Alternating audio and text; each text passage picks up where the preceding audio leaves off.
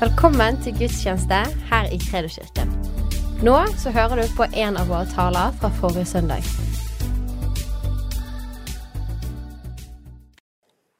Vi har jo eh, hatt en eh, Selv om ikke du har lagt merke til det, kanskje, så har vi hatt en serie her disse søndagene. Og eh, det handler om, om fokuset på Guds ords autoritet. For i denne tiden så har Guds ord autoritet, sin autoritet den eh, blir testa i, i, den tiden vi lever i. Og eh, vi tror at eh, vi skal bygge vårt liv på Guds ord, på Guds løfter, som et fundament og en rettesnor for livet vårt og for vår tros overbevisning. Derfor så har vi de siste søndagene fokusert på det fra forskjellige vinkler. Min overskrift i dag og om 14 dager, så det er del én i dag, det heter 'Har Gud virkelig sagt?' Spørsmålstegn. Har Gud virkelig sagt? Det blir på en måte noe av det som blir eh, temaet som vi kommer innom sånn underveis her.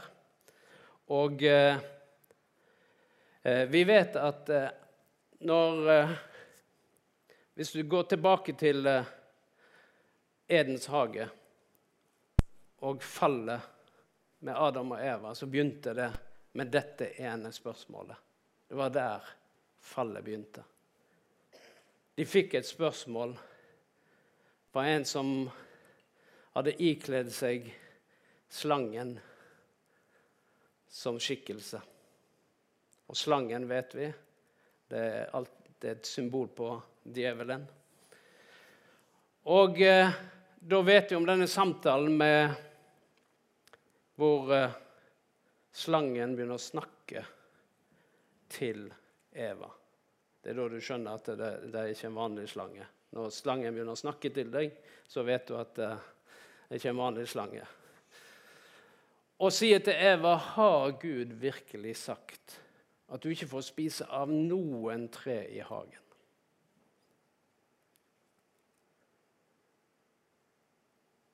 Det var jo nesten riktig, det han sa. Det var bare det at Gud hadde sagt du kan spise av alle trær i hagen, bortsett fra ett. Så han snudde på hele problemstillingen. Og dermed så begynte denne samtalen. Men Vi skal ikke gå inn på den akkurat nå. Men tror du det at eh, eh det er slik at vi ikke får at samme tanken eller samme utfordringen kan treffe oss i dag. Det er fordi at eh, det er slik at vi har en fiende som fortsatt prøver å stille spørsmålstegn ved har Gud virkelig sagt. Og Det skjedde den gangen, og det skjer i dag. Det skjedde med Eva, men det kan skje med meg. Det kan skje med deg akkurat dette spørsmålet. Har Gud virkelig sagt? Hva, hva ligger bak et sånt spørsmål? Kan vi stole på det han sier? Kan vi ha tillit til det han sa? Kan vi ha tillit til denne boka her? At dette er Guds inspirerte ord? Kan vi stole på at han står for det han sier? Eller mente han egentlig noe annet? Han sier én ting, men mener noe annet. Og eh, når Gud sa at du kunne spise av alle trær, bortsett fra ett, så var det det han mente, og det var det han sa. Men så vrir Satan på selve problemet og spørsmålet. Og det gjør han òg. Han vrir på ting for å prøve å At vi skal eh, bli forvirra, få tvil om det Gud sier. Eller noen ganger så går vi på en løgn fordi at han presenterer ting som en sannhet. Du vet det, hvis du presenterer noe som er nesten sant Hva er noe som er nesten sant? Er det sant? Hvis det bare er nesten sant, er det da sant? Nei. Da er det en løgn. Selv om det er nesten sant. For hvis du har til hensikt å ikke fortelle sannheten, men prøver å lure noe, da holder du noe igjen. Og så skaper du et inntrykk av at slik er det. Så det var det. Så Nå var det litt innledning her. Har Gud virkelig sagt? Når vi vet hvem Gud er, og hva han sier i sitt eget ord, da kan vi avsløre hva som er løgn, og hva som er sant. Kan skilles usant fra sant når vi vet hva ordet sier. Og Det er derfor vi stadig vekk sier at eh, les Guds ord, kjenn Guds ord, forstå Guds ord. Fordi at med en gang så vil det hjelpe deg til å skille. Skille mellom omstendigheter, skille mellom følelser, skille mellom tanker som kommer.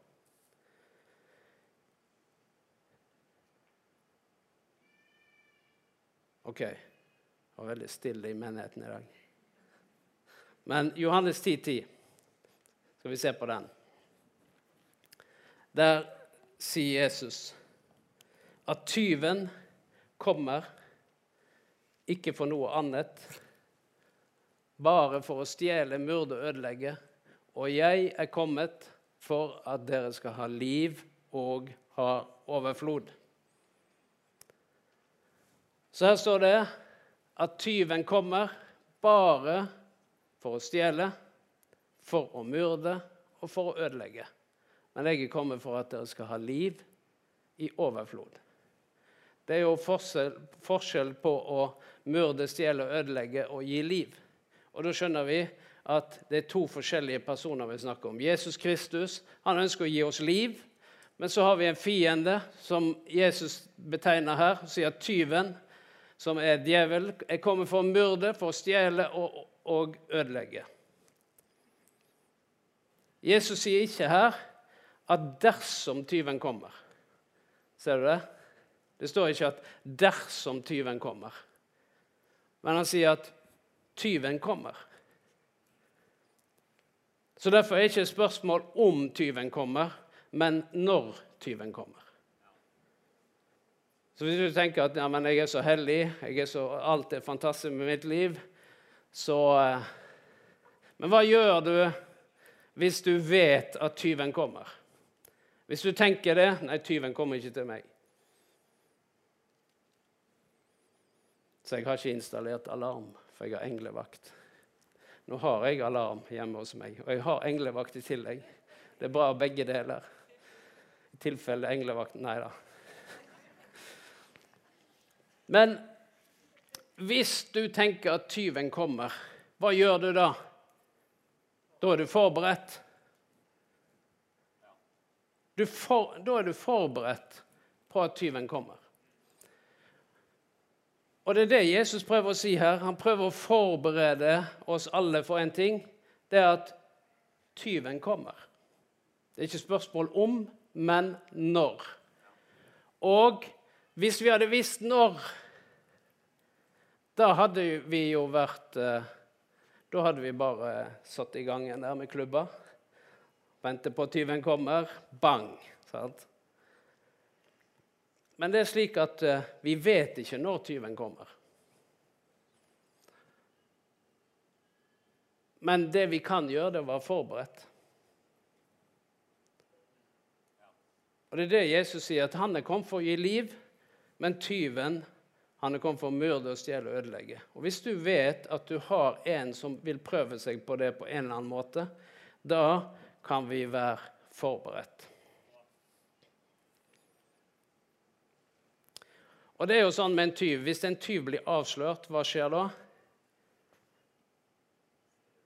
Da stikker han, ikke sant? Da stikker de løper for livet, tyven, hvis han blir avslørt. Da stikker han. Så Derfor er det slik at eh, hvis du er forberedt, så kan du avsløre tyven. Vet du hva en god måte å, skru, å eh, avsløre tyven på? Skru på lyset. Så Noen de har sånn alarm hvor det blir fullt lys overalt. Med en gang alarmen går, så kommer det svære lamper på utsiden av huset. så bare Det er fullt lys. Og med en gang det blir full belysning, så forstår tyven at jeg er avslørt, springer av gårde. Og det er det vi gjør når vi klarer å skille på hva som er sant, og hva som er usant. Så skrur du på lyset. Du plutselig tenker ja, men dette stemmer jo ikke. Hva skjer da? Tyven misser sin mulighet. Og plutselig så står du der, og så vet du. Men eh, efeserne har lært oss noe i forhold til hvordan vi skal være kledd når tyven kommer. Så Derfor skal vi lese fra Efeserbrevet 6, vers 10-18. Skal vi gå litt inn på det.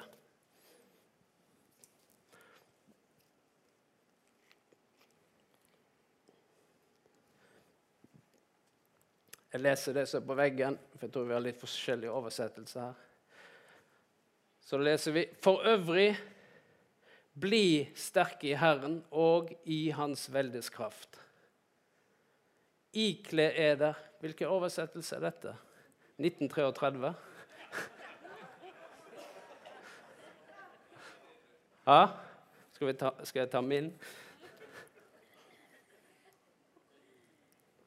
Jeg tror det, det var 33. Når det står 'er der', da skjønner du at nå er vi ganske langt tilbake i tid. Jeg er nesten tilbake der Ålesund brant. Men jeg leser teksten til slutt. Bli sterke i Herren og i Hans veldige kraft. Ta på Guds fulle rustning, så dere kan stå dere imot djevelens listige knep. For vår kamp er ikke mot kjøtt og blod men mot makter og åndskrefter, mot verdens herskere i dette mørket, mot ondskapens ånde her i himmelrommet. Dette er jo veldig greie. Ja? Ta derfor Guds fulle rustning på Guds fulle rustning, så dere kan gjøre motstand på den onde dag og bli stående etter å ha overvunnet alt. Stå der fast, spenn sannhetens belte om rundt om livet og kle dere i rettferdighetens brynje. Stå klar med fredens evangelium som sko på føttene, og ha alltid troens skjold høyt. Med det kan dere slukke alle den ondes brennende piler. Ta imot frelsens hjelm, eller ta på frelsens hjelm og åndens sverd, som er Guds ord. Gjør dette i bønn og legg alt fram for Gud, be alltid Ånden, våg og holdt ut i bønn for alle de hellige. Så her forklarer Paulus noe om hvordan vi kan leve forberedt når tyven kommer. Og eh, han sier igjen det at eh, vi skal ikle oss Guds rustning. Og hvorfor skal vi gjøre det? Så vi kan stå imot djevelen sine listige angrep. Hvordan ser et listig angrep ut?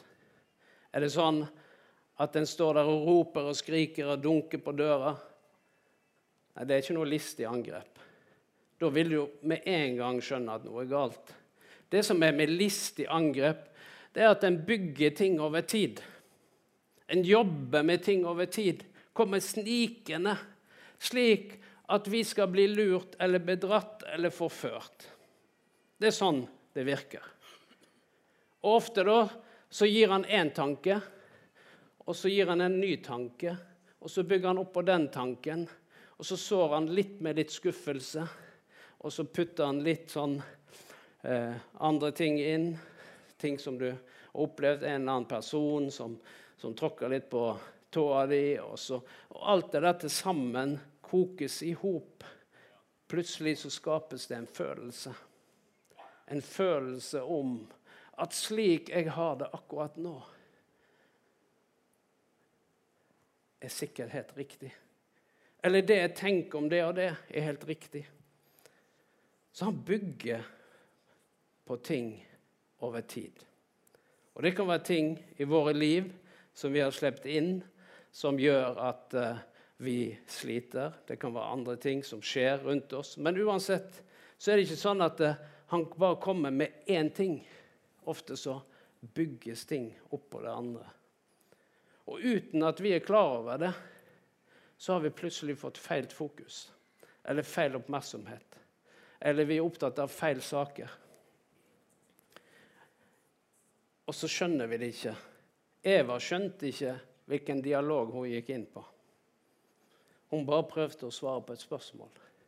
Har Gud virkelig sagt at du ikke får spise av noe tre i hagen? Og da begynte hun en dialog og sa nei, det var ikke det han sa. Men det som var djevelens tanke, det var at Eva skulle flytte fokus bort fra det Gud hadde sagt. Og Plutselig så begynte hun å se at dette treet og denne frukten den fikk hun plutselig lyst på. Men hun hadde ikke lyst på det før det. Så det skjedde noe i Eva sitt sinn. Og eh, i 2. Korinterbrev 10, vers 11,3, der står det at eh, sier Paulus til korinteren at jeg er redd at på samme måte som Eva forførte Som Satan forførte Eva med sin list, slik skal bli, bli dratt bort fra enkelheten i Kristus. Altså dette levende, enkle budskapet av Kristus. For det er det som er at eh, noen ganger så tenker en at eh, det å bli altså det å bli forført, så tenker jeg noen ganger at det har kun med synd å gjøre. Jo, det er den ene siden av det. Synd kan forføres. Men noen ganger så er det slik at uh, Noen ganger så bruker en åndelige ting sant? fordi at du er så hellig. Så det å, å, å, å komme med noe syndige ting overfor deg, det går jo ikke. Så derfor prøver han seg med noe annet som virker åndelig. Og plutselig så dras du imot noe, og så skjønner du ikke at ja, men hvor ble Kristus av i det fokuset jeg har nå? Hvor ble Jesus av henne? Hvor ble dette intime fellesskapet med han av? Jeg ble jo opptatt av det og det og det og det, og det virka veldig hellig og riktig. Og, og, eh, og så plutselig så er det ikke Kristus du er opptatt av, men du er opptatt av lære, du er opptatt av det som er riktig, det som er galt, det som burde vært sånn, og det skulle vært mer av det og mindre av det, og alt det andre. Plutselig så er det ikke Jesus som blir i sentrum. Og så tenker vi at forførelse har med helt noe annet å gjøre. Men noen ganger så er det så enkelt som at vi blir opptatt av feil ting. Og Jesus kommer i skyggen, og så kommer alt det andre foran. Når Jesus hadde sin fight med fariseerne, så var det fordi at eh, barmhjertighet, godhet, kjærlighet Det fant han ikke hos de. For de var opptatt av riktig lære, loven, sånn og sånn. Og så sier han ja, men det Gud vil ha, det er barmhjertighet. Dere har jo mista poenget her, sier han med hva dette handler om. Og Sånn er det noen ganger med oss òg, at vi, Jesus kommer plutselig i skyggen fordi at vi har fått feil fokus. Men la oss se, da. Hvordan skal vi da ikle oss? Her står det om belte, det står om brynje, det står om sko, det står om skjold, det står om hjelm, det står om sverd. Jeg husker jeg gikk på bibelskolen. På bibelskolen der ble vi trent i at vi skulle ikle oss gudsfulle rustning. Og da var det jeg tar på meg beredskapens sko, tar på meg sannhetens belte, rettferdighetens brynje, tar på meg eh, troens skjold, frelsens hjelm og åndens sverd. Og du vet, Det var jo litt sånn stressende, da, for hver morgen hadde vi bønnestund. Da drev jeg og kledde på meg dette her. Men jeg kledde jo på den rustningen jeg hadde på meg dagen før og dagen før og dagen før. Fordi det var ikke sånn jeg, jeg kledde av meg den på kvelden. Ja, nå avkler jeg meg for Guds fulle rustning. Jeg kler av meg Åndens verd, Guds ord, troens skjold. Jeg bare legger det her ved senga, for nå skal jeg sove. Så jeg har ikke skjønt det at du må sove med rustningen på. For tyven kommer jo mens vi sover. Så bare så det er et tips. Han møter på. når han blir fristet av djevelen, det er et spørsmål. Er du virkelig Guds sønn? Det er det første spørsmålet han får. Har Gud virkelig sagt at du er Guds sønn? Det siste han hørte før han gikk ut i ørkenen, det var Du er min sønn, den elskede. Det første han får spørsmålstegn ved, det er identiteten hans. Er du Guds sønn, så bevis det. Og Det er derfor når jeg sier at når vi ikler oss rettferdighetens brynje, så er det faktisk en beskyttelse når vi vet hvem vi er. Når vi vet at jo, men jeg er Guds sønn og Guds datter fordi jeg er Guds barn. Så når da fienden kommer og sier 'Er du virkelig Guds barn?' Burde ikke det vært sånn? Og burde ikke det sett slik ut? Og burde ikke det Er du virkelig Guds sønn? Hadde ikke det da vært mer av det og mindre av det hvis du er Guds sønn? Sånne spørsmål kommer denne fienden som er en tyv. Og hvorfor kommer han slik? Jo, for han ønsker å drepe, ødelegge og, og, og forstyrre det åndslivet som du har. Og Derfor bruker han åndelige ting for å trykke deg ned. Og så, hvis du skjønner det at det, når Jesus sa, når Gud sa dette har Gud sagt. Du er min sønn. Og det første djevelen angriper, det er Jesus sin identitet. Så må vi forstå at det kommer han til å gjøre med oss òg. Han vil prøve å angripe vår identitet, hvem vi er i Jesus Kristus. Det nye livet du har fått. Han vil prøve å stille et spørsmålstegn ved deg og si at ja, men du må jo bevise det. Ja, Bevis hvem du er, da. Lev litt mer hellig, da. Ja, da må du skjerpe deg, da. Hvis du er så åndelig som du eh, sier at du er, så må du skjerpe deg, da. Da burde du jo lese litt mer, da. Du leser ikke nok. Du ber ikke nok. Du synger ikke nok. Blir du oppmuntra av sånn? Tror du at Herren holder på sånn? Ja, nå skal jeg oppmuntre deg i dag. Du synger ikke nok. Du ber ikke nok. Du leser ikke nok. Du burde gjort mer. Du burde vært mer hellig. Du burde vært mer ren. Det er som å gå i dusjen og være ferdig å dusje, og så kommer du ut og så hører du kona si at nei, du må, du må vaske deg litt, du må dusje litt. Ja, Men jeg er jo ren i Jesus Kristus. Jeg er en nyskapning. Ja, det er ting som skjer underveis, men Herren er ikke en anklager som trykker deg ned. Han vil peke på det Kristus har gjort, og ikke på det du gjør. Derfor så må, må vi ikle oss denne rustningen og si det. Jeg er rettferdig i Jesus Kristus, og det er en beskyttelse. Og når pilene kommer, så tar du fram troens skjold, og så sier du det der tar jeg ikke imot. Det der står jeg imot. For det var det Jesus gjorde. Det sto at han sto djevelen imot, og så vek han bak han etter en stund. Men vi skal gå inn i dette med Jesus sin fristelse om 14 dager her. Da skal vi ta del to av dette. For Jeg skjønte det da jeg forberedte meg, at jeg kommer ikke lenger enn til rustningen i dag.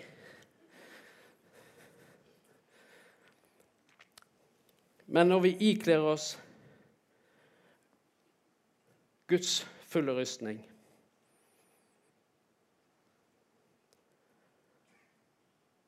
så er det sånn at Vi spiller ikke da en kristen rolle, men det er den vi er. Det er slik vi er. Det her er den utrustningen som Gud har gitt meg. Det er ikke noe som jeg prøver å forestille meg. Det er ikke en rolle jeg prøver å spille. Det er faktisk den jeg er. Og når vi vet hvem vi er, da klarer vi å slå ned på djevelens angrep, selv på, en, på den onde dag. Og så blir vi stående etter å ha overvunnet alt. For det er det som, som var oppfordringen her. Ta derfor på Guds fulle rustning, så dere kan gjøre motstand på den onde dag og bli stående etter å ha overvunnet alt. Og Det er det som er Guds plan med oss. Det er at vi skal bli stående etter å ha overvunnet alt.